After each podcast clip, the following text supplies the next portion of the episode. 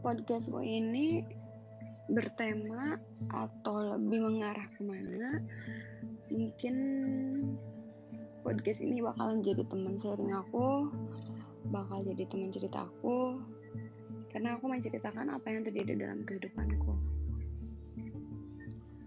Dan selamat mendengarkan.